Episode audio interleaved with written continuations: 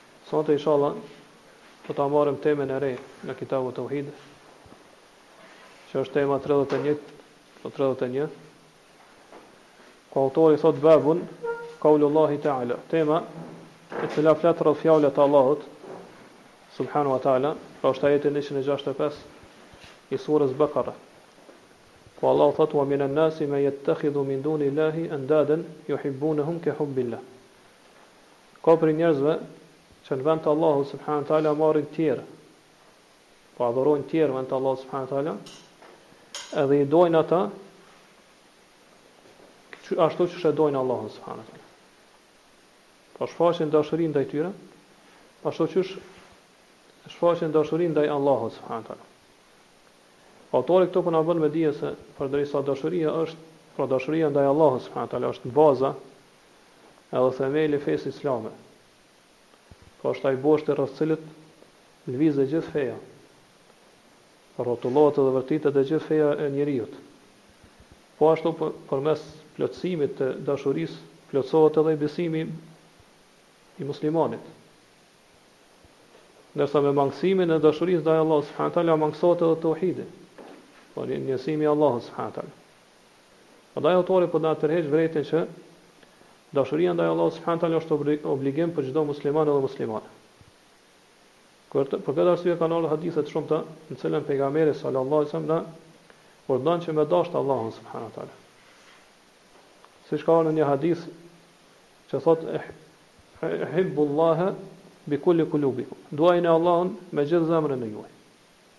Kurse në hadithin që e transmeton Imam Ahmedi dhe Tirmidhiu edhe thotë se hadithi është i saktë, pejgamberi sallallahu alajhi wasallam tregohet se është lutë dhe ka thonë, "Was'aluka hubbak", O Allah, unë kërkoj prej teje dashurinë, po të ma mundësosh me dashtë ty, dashuri ndaj teje, "Wa hubba man yuhibbuk", edhe dashurinë e atyre që të dojnë ty, po me i dashtë ata të cilët të dojnë ty, "Wa hubba 'amalin yuqarribuni ila hubbik", edhe dashuri ndaj asoj vepre e cila më afron te dashuria ndaj Teje.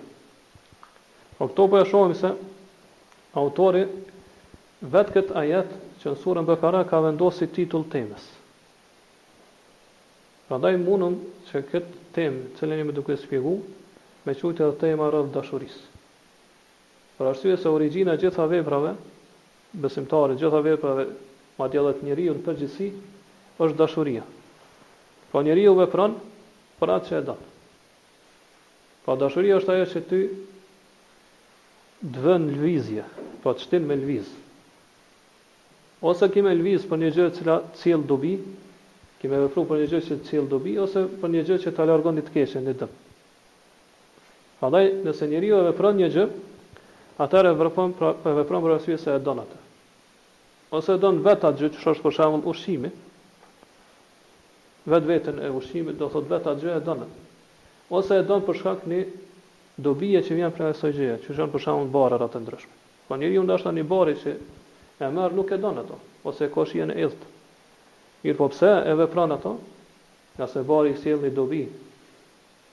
Pra me lejen e Allahut shërohet përmes atij varri. E kështu me radhë. Pra adhurimi i Allahut subhanahu wa taala ndërtohet mbi dashuri. Madje realiteti dhe e vërteta e adhurimit është vetë dashuria.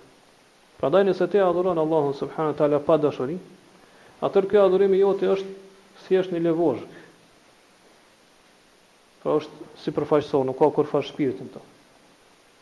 Prandaj nëse njeriu në zemrën e tij ka dashuri ndaj Allahut dhe të Dërguarit të Tij dhe gjithashtu dashuri ndaj Xhenetit, po dëshiron me arrit në Xhenetin e Allahut subhanahu wa taala, atëherë gjithsesi ka me ndjek rrugën e cila dërgon drejt kësaj gjëje, pra drejt dashurisë së Allahut dhe drejt Xhenetit Tij.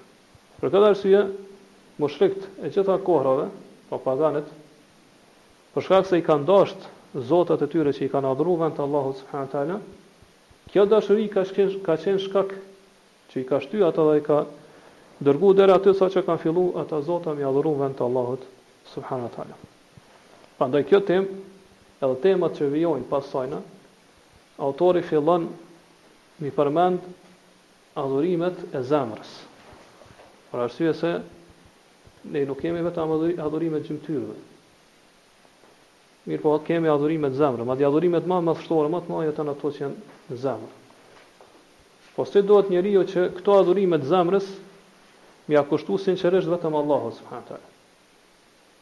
Pra po këto tema prej tash, prej temës së tani, edhe temat që vijojnë, autori fillon me përmend obligimet e tauhidit,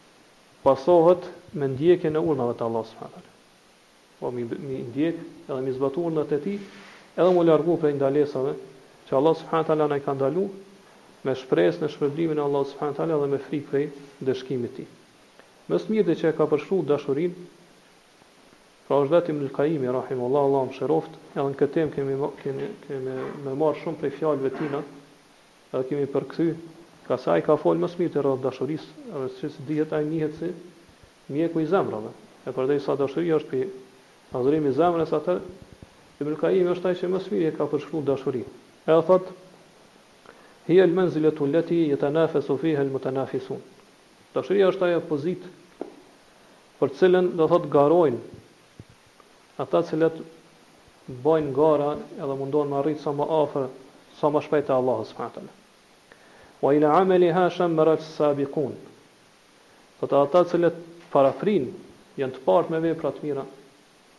Ata thotë janë ata të cilët veprojnë me këtë dashuri dhe dhajnë maksimumin e tyre. Wa alejha tefanel muhibbun. Thotë për hir të kësaj dashurie njerëz ata që e dojnë Allahun subhanehu teala, ata e kanë e kanë sakrifiku vetën tyre, e kanë shkri vetën tyre. Pra për me arrit dashurinë e Allahut subhane.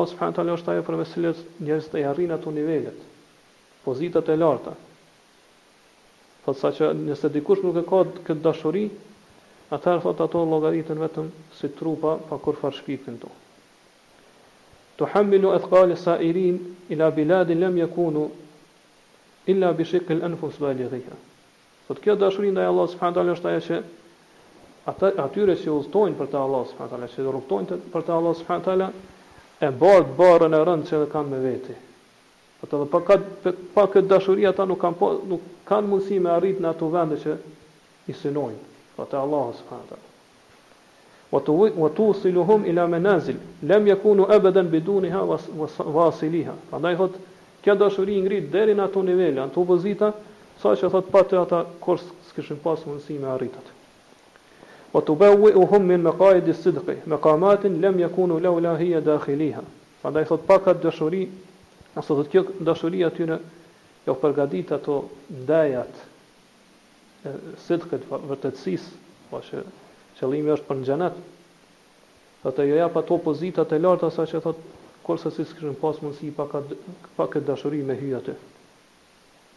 Pra në ndejat e sidqit, vërtetësisë, edhe sinqeritetit që është për qëllim xheneti i Allahut subhanahu wa taala. Prandaj thotë, Tallahi, laqad dhahaba ahluha bi sharafi ad-dunya wal-akhirah. Thotë, pasha Allahun, ithtarët e kësaj dashurie, pra ata që e kanë këtë dashuri, thotë e kanë arritë nderin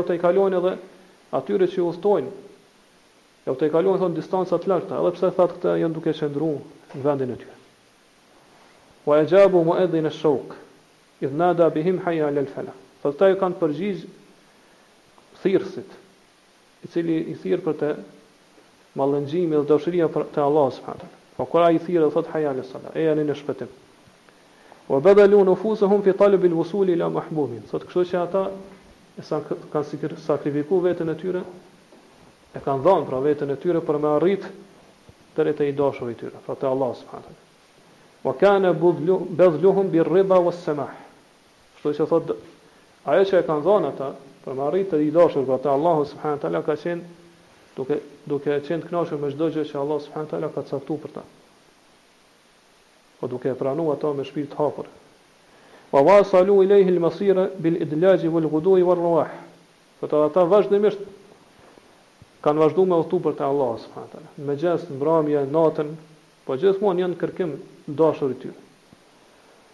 Edhe thotë tallahi laqad hamidu ose humidu inda al-wusuli masrahum.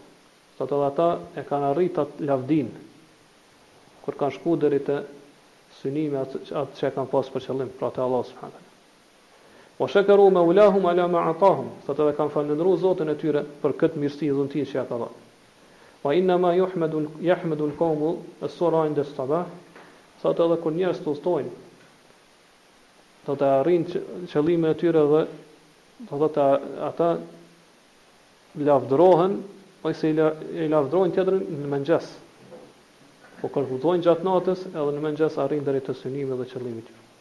Pastaj Ibn Kaimi vazhdon do me përshkru këtë dashuri ndaj Allahut subhanahu teala, ai që dëshiron me me ju kthy atë mundet me iu kthy librit të tij Medarixhus Salikin, edhe aty do thotë e përshkruan edhe më në detaje edhe më gjerësisht këtë temë. Mirpo na thotë sonte po mjaftohemi me kaq. Pastaj duhet me ditë se dashuria është dy lloje. Pra në përgjithësi dashuria ndahet në dy lloje. Është dashuri e përbashkët edhe dashuri e veçantë. Dashuria e përbashkët pastaj ndahet në katër nënlloje tjera. E para është dashuria natyrore. Për shembull, njeriu i rritur, i uritur e don ushqimin, ose ai që është i etur e don ujin. Edhe ngjashëm me këto, për shembull, në përgjithësi njeriu për shembull i don rrobat, mjetet e udhëtimit, shtëpinë ku jeton, banesën e kështu me radhë, gjithashtu këtu hin edhe dashuria ndaj gjërave dhe kënaqësive të kësaj dunjaje, që është për shembull dashuria ndaj grusë, apo do thotë kënaqësitë tjera. Kjo dashuri nuk kërkon që njeriu me madhëru atë të cilën e dashuron, mirëpo është thjesht dashuri natyrore, që Allahu subhanahu wa taala ka vendos në natyrën e njeriut me i dashtë këto sene. Lloji i dytë është dashuria e mshirës edhe dhëmshurisë, Për shembull, kur prindi e don fëmijën e tina, apo njeriu në përgjithësi i don të vegjlit, apo i don njerëzit e dobët, të cilëve ju ka bo padrejtësi, apo do thotë i don të smutit, nevojtarët, apo do thotë mësuesi i don nxënësat e tina. Gjithashtu edhe kjo dashuri nuk kërkon do thotë madhërim ndaj këtyre. E treta është dashuria e shoqërisë, e shokëve, me ata të cilët rrinë. Për shembull, disa njerëz janë ortak në një biznes ose në një zanat. Apo disa të tjerë do thotë janë kolegë në një dije, një shkencë. Ose do thotë e shoqërojnë njëri tjetrin, do thotë në një udhëtim e kështu me radhë. E për shkak të kësajna, për shkak se i afron do thotë profesioni ose puna ku punojnë, ata e dojnë njëri tjetrin. Ose ngjashëm me këto është për shembull dashuria e vëllezërve që e dojnë njëri tjetrin. Edhe kjo do thotë nuk nuk tregon që njeriu e madhron atë tjetrin të cilën e dashuron. Edhe lloji i katërt është dashuria e respektit. Po që ai që e ka këtë dashuri tregon respekt për tjetrin. Për shembull, dashuria e fëmisë për prindin e tina. Po në këtë rast nuk themi që ai ka e ka madhruar ato. Mirëpo e respekton. Më shumë se sa e respekton tjetrin. Po fëmija ka obligim që edhe me respektu prindin e tina. Prandaj kur e don prindin e tina, atëherë ai përmes kësajna tregon dashurinë ndaj prindit të tina. Pra e respekton ato, e nderon e kështu me radhë. Pse do thot fëmiju, ose fëmija e respekton prindin e tina dhe e don në këtë masë, do thot ma shumë se çdokush tjetër, ngase prindi është ai i cili u përkujdes për to, e ka rrit ato.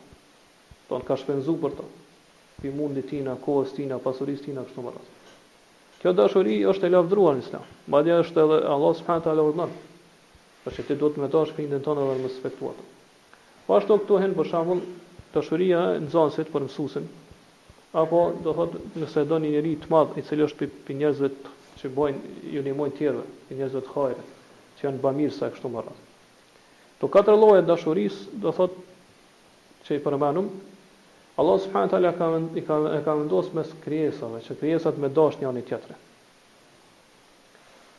Mirpo, nëse dikush e don tjetrin me me njërin prej këtyre katër llojeve të dashurisë, atëherë qysh thamë nuk tregohet se ai ka bërë shirk Allahu subhanahu wa taala në dashurinë ndaj Allahut subhanahu wa taala. Për këtë arsye vetë pejgamberi sallallahu alaihi wasallam i ka dashtë ëmbëlsirat.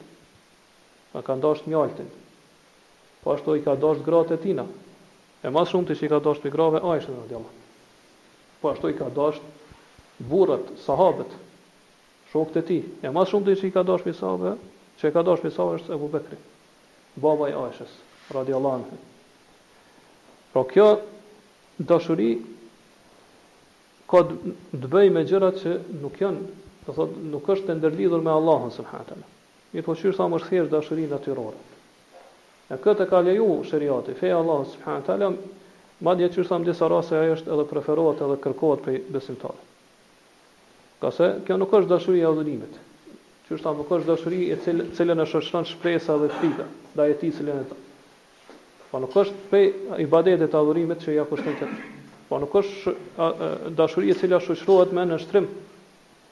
përulje edhe madhrim ndaj tjetrit, por thjesht është dashuri ndaj gjërave të kësaj dunjaje.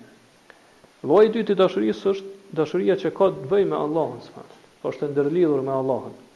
Edhe kjo i ka tri lloje. Pra e para është dashuri që është më lart që është e veçantë, pra do të jetë vetëm për Allahun subhanahu wa taala. Edhe nuk i lejohet muslimanit ose njeriu me dash dikon tjetër me këtë lloj dashurie veçse Allahut subhanahu wa taala. Pra çdokush që e don dikon tjetër me këtë lloj dashurie atëherë ai ka bërë shirk të madh, të cilin nuk e fal Allahu subhanahu teala.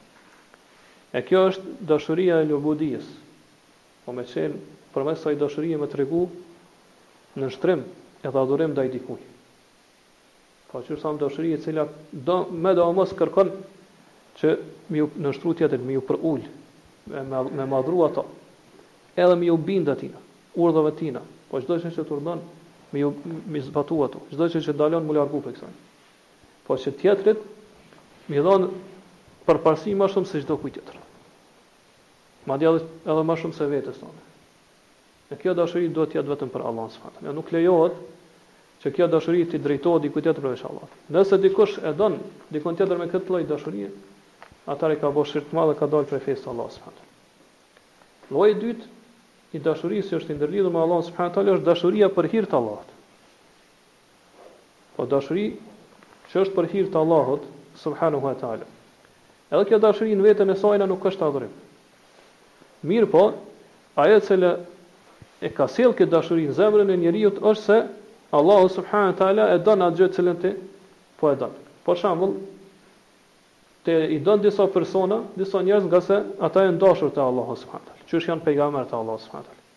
të dërguarit e Allahut, apo ata që janë të sinqertë, siddiqin, që janë të vërtetë në imanin e tyre, apo shehidët, apo dijetarët, domthonë njerëz të devotshëm e kështu me radhë. Pra thjesht që njeriu me dashtë, mi dashtë tjerë për hir të Allahut, apo mi urrejt për hir të Allahut.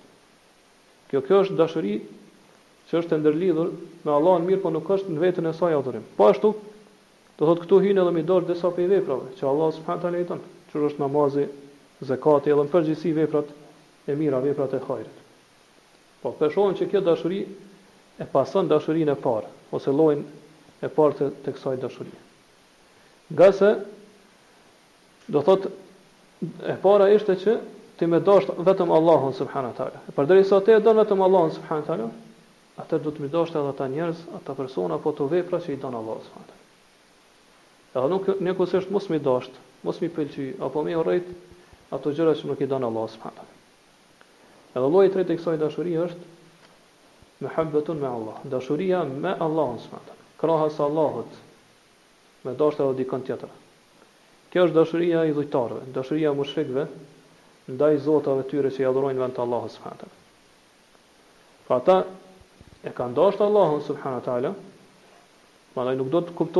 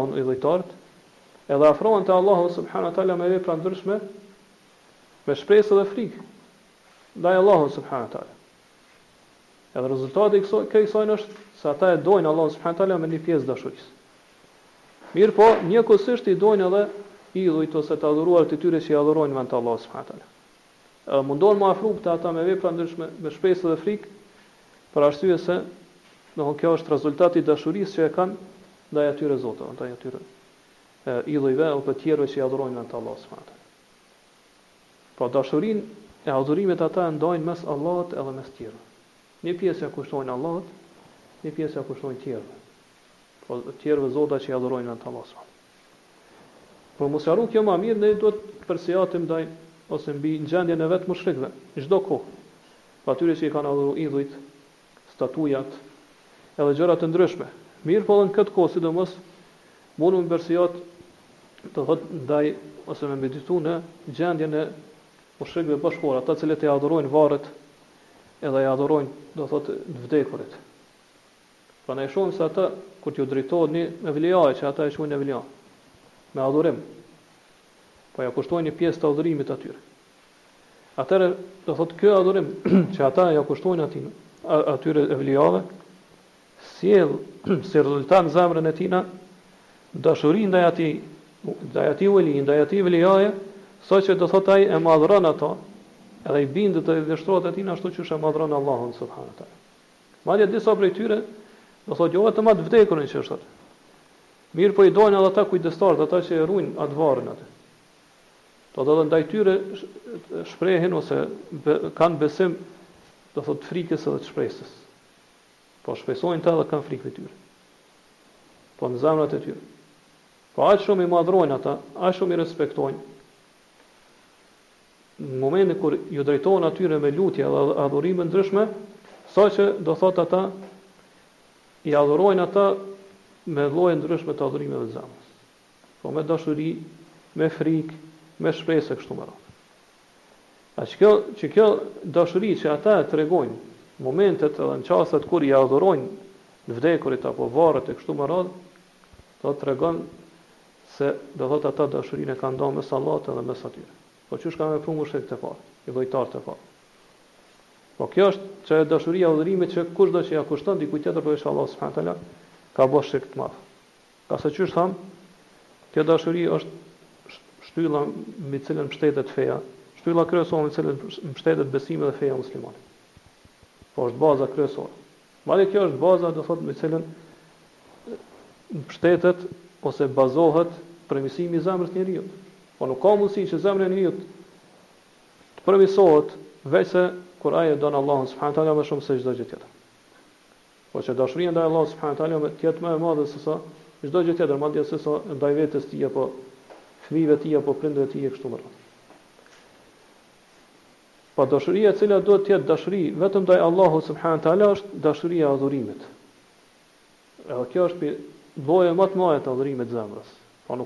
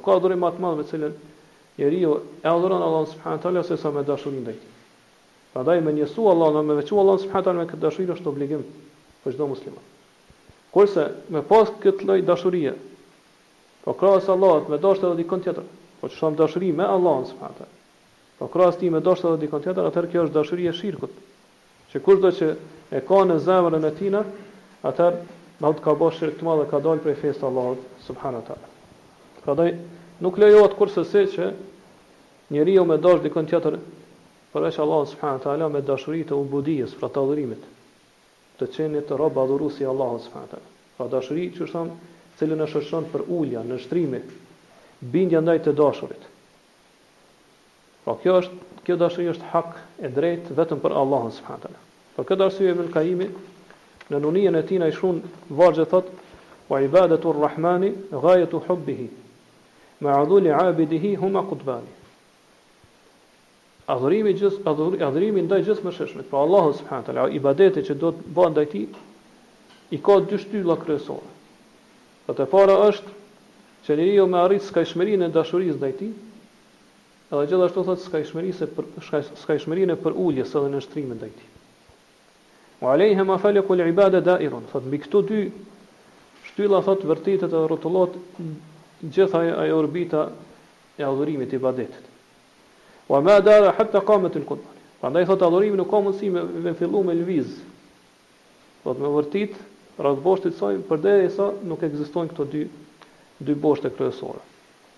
Wa madaruhu bil amri amri rasulihi. Prandaj thotë ajo që e shtyn me lviz këto, thotë pasi që të ekzistojnë këto dy shtylla, këto dy boshte, është do thotë duke iu bind urdhrit të pejgamberit sa sa.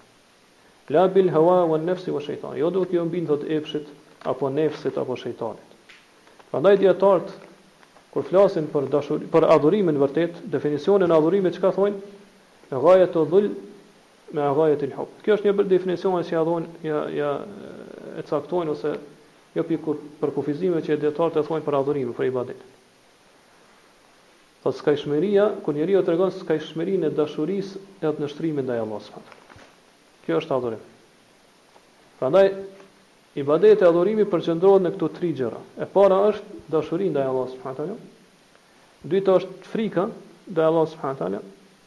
Edhe e treta, shpresa në Allahun subhanahu teala. Po këto janë tri shtyllat mbi të cilat qëndron adhurimi. Po tri themele, mbi të cilat qëndron adhurimi i njeriut. Nëse këto tubohen, mblidhen bashkë gjatë adhurimeve tona, atëherë ti e ke arrit, e ke realizuar adhurimin ndaj Allahut subhanahu teala. Edhe ky adhurim të bën dobi. Për shembull kur falim namaz, apo kryjmë haxhin, apo lutemi edhe gjitha llojet tjera të adhurimeve tona. Gjitha ato duhet t'i bëjmë me këto tri gjëra. Po të na, të na shoqërojnë këto gjë, këto tri gjëra gjatë kryerjes këtyre adhurimeve. Përndryshe adhurimi, do thotë, nuk është i saktë, apo nuk e ke arrit me realizu në mënyrën më të mirë adhurimin, edhe nuk të bën dobi. Nëse këto tri shtylla nuk nuk qëndrojnë ose nuk ekzistojnë gjatë adhurimit. Edhe nëse njeriu falet, apo bën haxh, apo jep zekat e kështu me radhë, adhurimi i tij nuk është adhurim i saktë, nëse se nuk i ka këto tri shtylla. Për këtë dije, për këtë arsye dijetarët thonë, Men abada Allahe bil bil mahabbati faqat fe huwa sufi. Ai që adhuron Allahun vetëm me dashuri, thotë jo me shpresë dhe me frikë, veç me dashuri, thotë ky është sufi, dervish.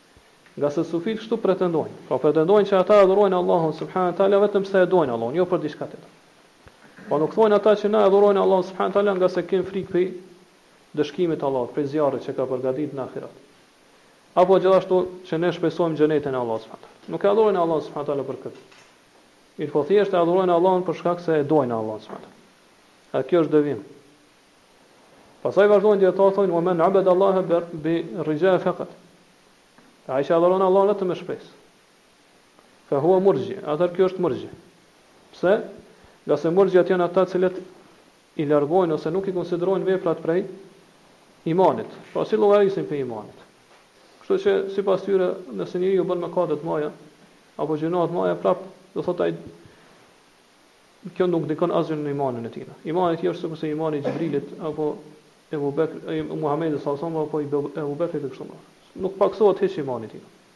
Po nuk i llogarisin veprat prej imanit. Kështu që njeriu mundet edhe me bë gjynahe të mëdha prapë me kanë në xhenet. Për këtë arsye do thotë ata e adhurojnë Allahun vetëm me shpresë. Nuk kanë frikë hiç prej ndëshkimit të Allahut. Edhe prej prej zemrimit të Allahut. Prandaj ky është murxhi. Ai që adhuron Allahun vetëm me shpresë. Wa man abada Allaha bil khawfi faqat fa huwa khariji. Kurse ai që adhuron Allahun vetëm me frikë, ky është kharixhi. Ngase khavarixhtë janë ata të cilët i bëjnë tekfir, po i llogarisin jobesimtarë muslimanët në përgjithësi për shkak të mëkateve të mëdha që i bëjnë.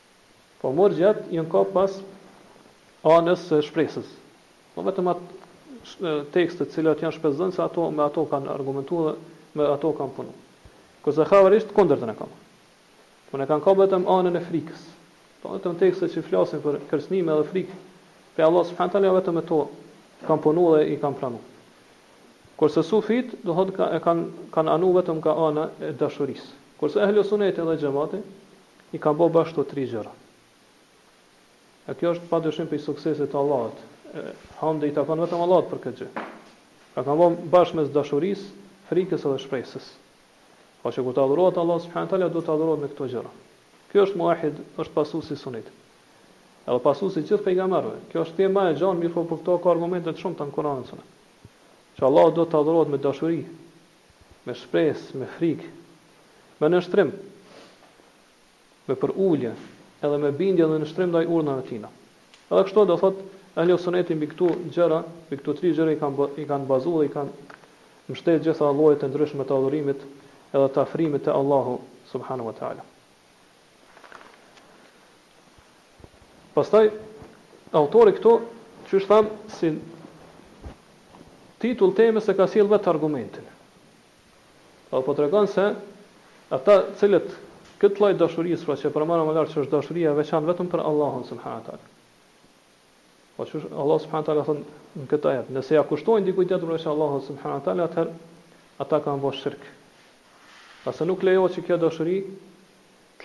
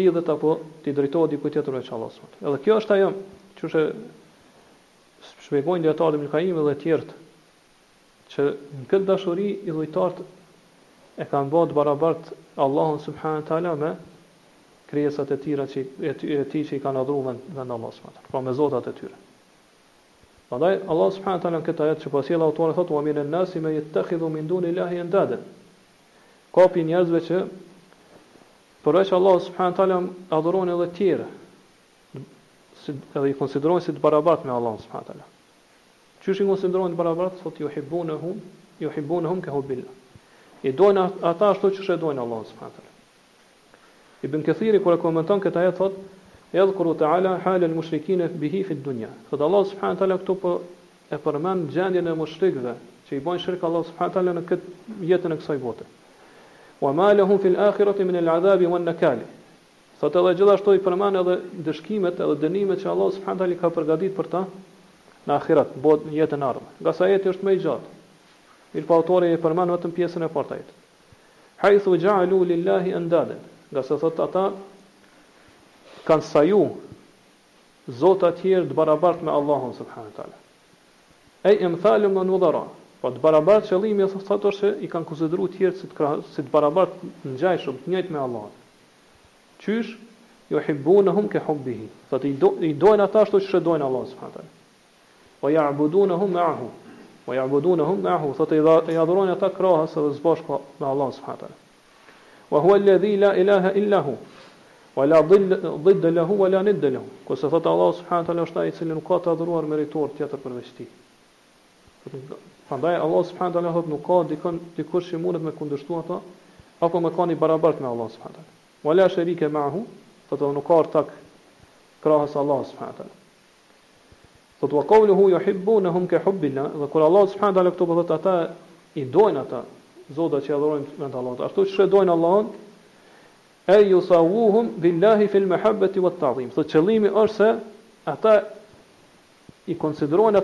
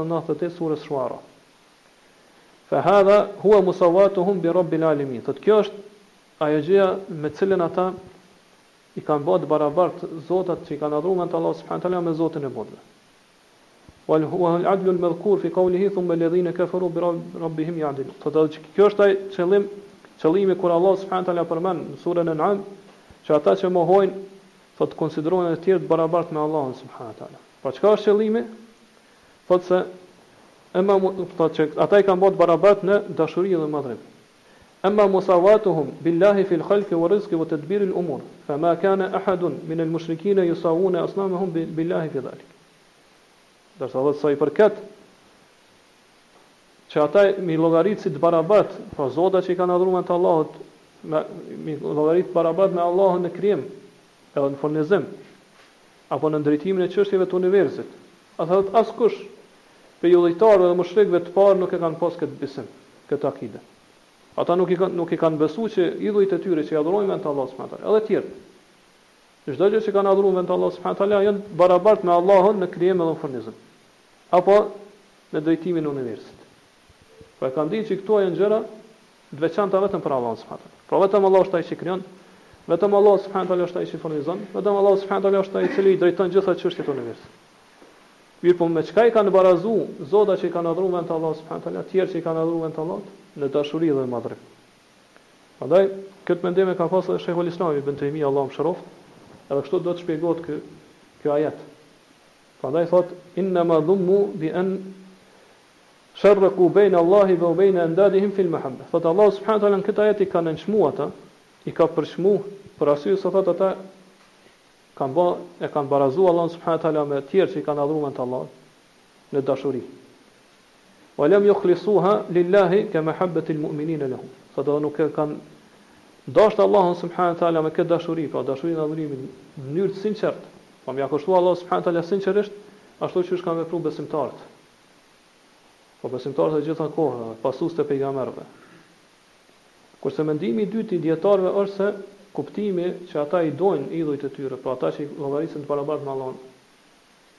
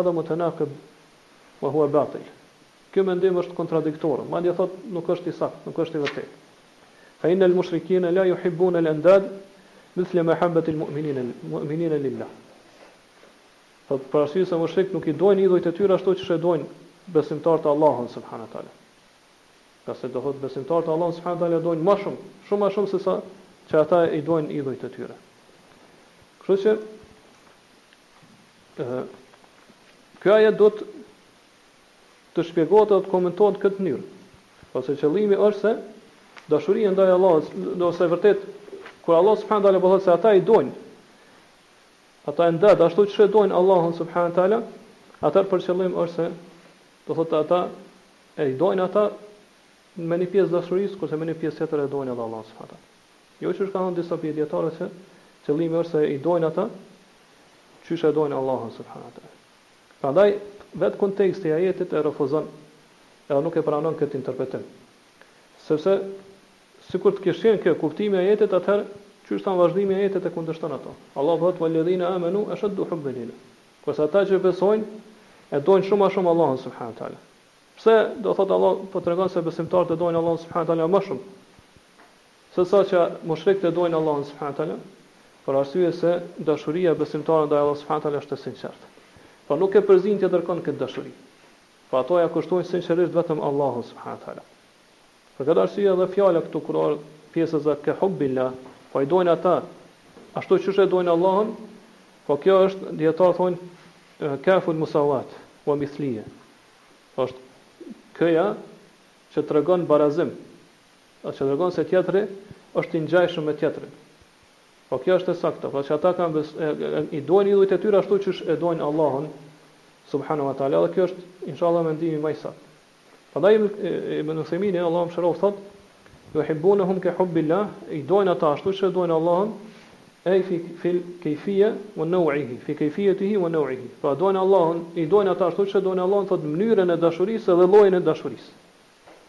Po çit llojin e dashurisë është ajo që e përmenëm deri tash, që e sqaruam deri tash.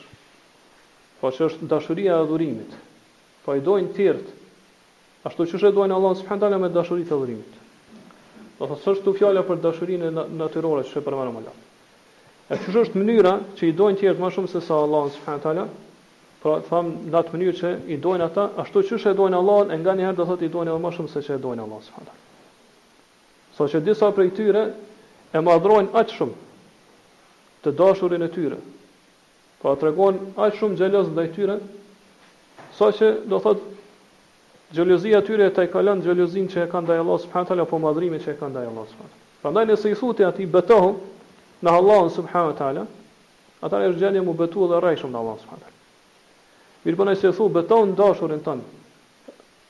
Por ai nuk është n'gjendje mu betu në atë rrejshëm.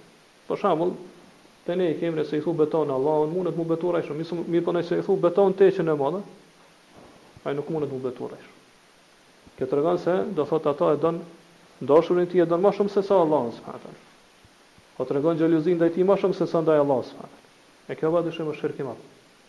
Kjo është prej shirkut të madh që njeriu e nxjerr prej fesë, prej prej besimit të fesë islame. Lloji më i vlefshëm i gjitha këtyre llojeve të dashurisë e pamë që është lloji i parë, pra që me dashtë Allahun subhanahu wa ta'ala, sinqerisht, pra që dashurinë e adhurimit me ia kushtua Allahut subhanahu wa ta'ala në mënyrë të sinqertë.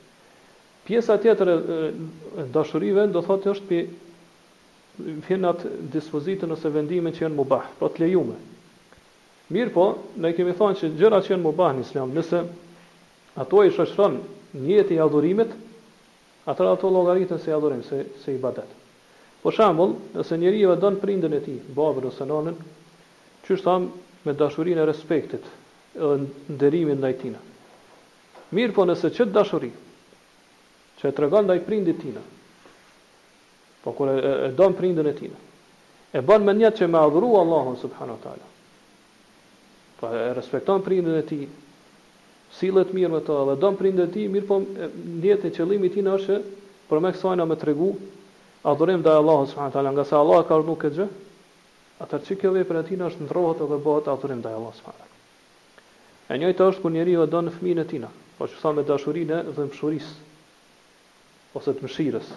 Nëse qikjo, qikjo dashuri po shoqërohet me atë gjë që do thotë ti po përmes kësajna po don me tregu se ti kujdesesh për fëmijën ton, po e bon nijet në zemrën tonë, që ti ki me u kujdes për fëmijën ton, ki me rrit ato, ki me, ki me eduku ato, si adhurim ndaj Allahut subhanahu teala, ngase Allahu ta ka lon përgjegjësi këto, atër qikjo dashuri shndërrohet në dashuri të adhurimit.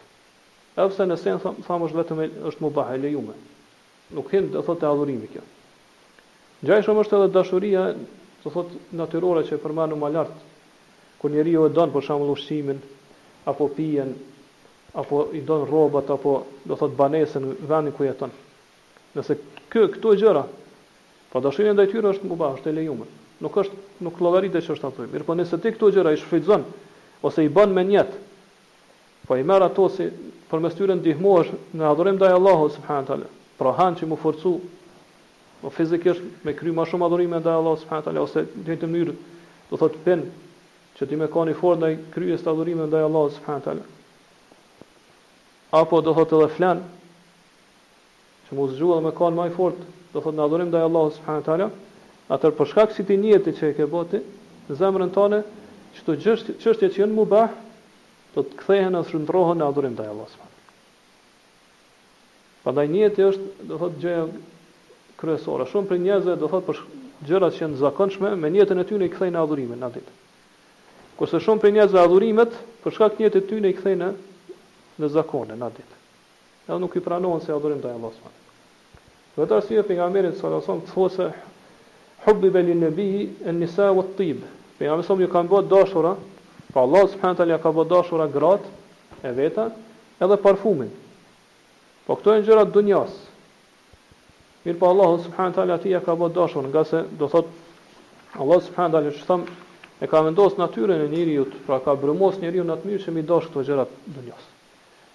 Mirëpo do thotë këto gjëra pastaj nëse njeriu martohet edhe don gruan e tij për arsye se kjo pastaj i sjell rezultate të mira, dobi të mëdha në jetën e tij, pra e ruan nderin e tij. Pastaj do thotë e ka për qëllim që sa më shumë me shtu umetin e pejgamberit salallahu alejhi ve selem kështu me radhë qëllime të tjera, atëherë për shkak të qëtij nijeti do thotë kjo vepër kthehet në adhurim ndaj Allahut subhanahu wa taala. Po ashtu do thotë edhe parfume të ndryshme ngase njeriu kur parfumoset atëherë ai aktivizohet, do thotë ndihet më i gjallë, do thotë gjoksi i tij zgjerohet, do thotë njeriu kur e nuhat parfumin e mirë do thotë qetësohet e kështu me radhë. Po ashtu Allahu subhanahu wa taala ka treguar se të mirat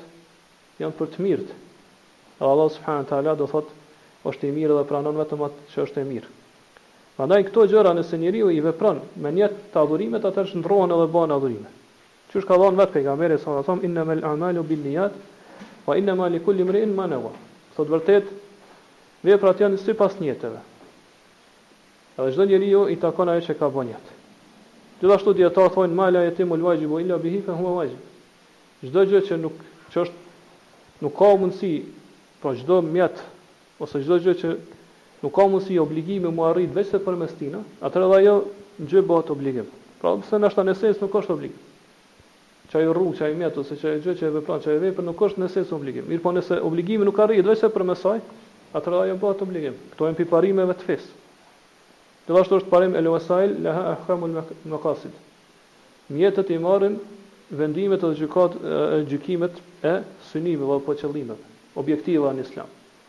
Po nëse Islami një gjë e ka bo, do thotë që është obligim, atëherë edhe mjetet ose rrugë që i çojnë drejt asaj gjëje, llogariten që janë obligim te Allahu subhanahu wa ta'ala. E ky ajet cilin e lexuam ne, po na jep na jep shumë domethënie dhe kuptime të mëdha. E para është se Qysh e kuptuam deri tash, po tregon se ai që e don një gjë, ashtu siç e don Allahun subhanahu wa taala, atëherë atë gjë e ka konsideruar si nidd, të barabartë me Allahun subhanahu wa taala. Edhe kjo llogaritet si shirk i madh. Prandaj qysh tha më herët, gjithmonë tek njerëzit kur i kanë bërë të tjerë të barabartë me Allahun subhanahu wa taala është se i kanë bërë të tjerë të barabartë në dashuri. Jo në krijim, jo në zotrim, jo në rububie. Po gjithmonë njerëzit, prej fillimit njerëzimit, e kanë besu që vetëm Allahu subhane teala është krijusi, pra është vetëm një krijues, një furnizues, një drejtues i këtij universi. Po nuk has te banorët e tokës që dikush e llogarit dikon tjetër si ortak ose të barabartë me Allahun subhane teala në këto gjëra. Po që dikush tjetër është i barabartë me Allahun në krijim e kështu me radhë. Mirëpo çështja ndryshon kur vjen puna te dashuria.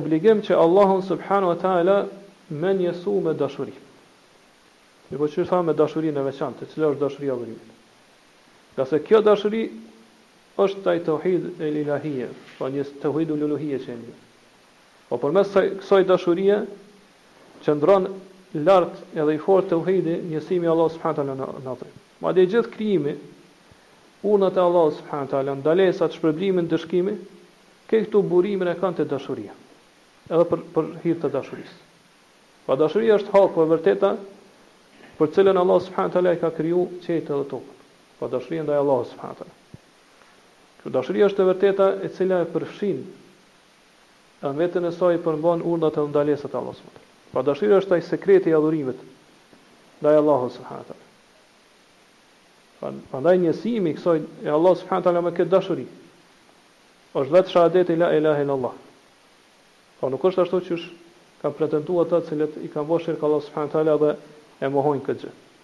Ngase fjala ilah çfarë do të thotë? Është ai i cili krijon edhe furnizon. Mirpo nuk është vetëm ky kuptimi i fjalës ilah. Ngase ne e dimë që mushrikët e Mekës, tek cilët është dërguar pejgamberi sallallahu alajhi wasallam, siç është shpjeguar më lart, këtë e kanë pranuar. E kanë pranu me gjithë zemrën e tyre edhe gjuhën e tyre se nuk ka Zot edhe krijues tjetër përveç Allahut subhanahu wa taala. Pra askush nuk i ka kriju ata dhe nuk askush nuk i furnizon ata përveç Allahut subhanahu wa taala.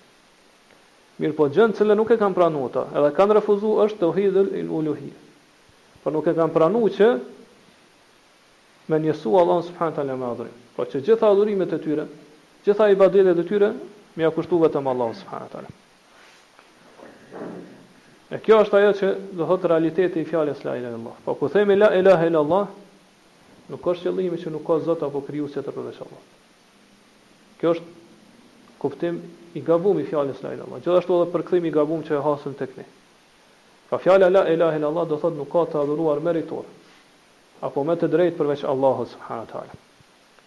Ngase fjala Ilah do thotë është ai i cili zemrat e krijesave e adhurojnë atë. Mirëpo e adhurojnë me dashuri, me nënshtrim edhe përulje, me frikë dhe me shpresë. Ky kjo është kuptimi i fjalës Ilah. Kur tjetri, po dy, dikush adhurohet me dashuri, me frikë, me shpresë dhe do thotë me përulje, me madhrim, edhe me bindje ndaj tij. Pra fjala ilah e ka kuptimin e me'luh. E me'luh është do thotë mahbubun ma'bud, dikush i cili adhurohet, mirëpo është dhe i dashur, po e dojnë ata të cilët e adhurojnë. Po kjo është kjo fjalë vjen origjina ose rrënjën e ka te fjala ta'alluh, që do thotë me adhuru tjetrin, mirëpo me adhuru me nivelin më të lartë të dashurisë, nivelin më të skajshëm të dashurisë. Po kështu po e shohim që dashuria është origjina, është esenca, është thelbi, edhe vetë adhurimi ndaj Allahut subhanahu wa taala. Gjithashtu ky ajet na tregon se mushrikt, idhujtarët e të gjitha kohërave, e njohin Allahun subhanahu wa taala dhe pranojnë atë. Madje edhe e dojnë Allahun subhanahu wa taala. Kan dashuri ndaj tij. Mirëpo cila është arsyeja shkaku që Allahu subhanahu wa taala ka gjykuar për ta që janë jo besimtarë dhe mushrik? Edhe që nëse vdesin në këtë gjendje do të jenë përgjithmonë në zjarr xhehenemit. Arsyeja është se do të thotë që ata zotat e tjerë që i kanë adhuruar në vend të Allahut subhanahu teala i kanë bërë të barabartë me Allahun subhanahu teala në dashuri.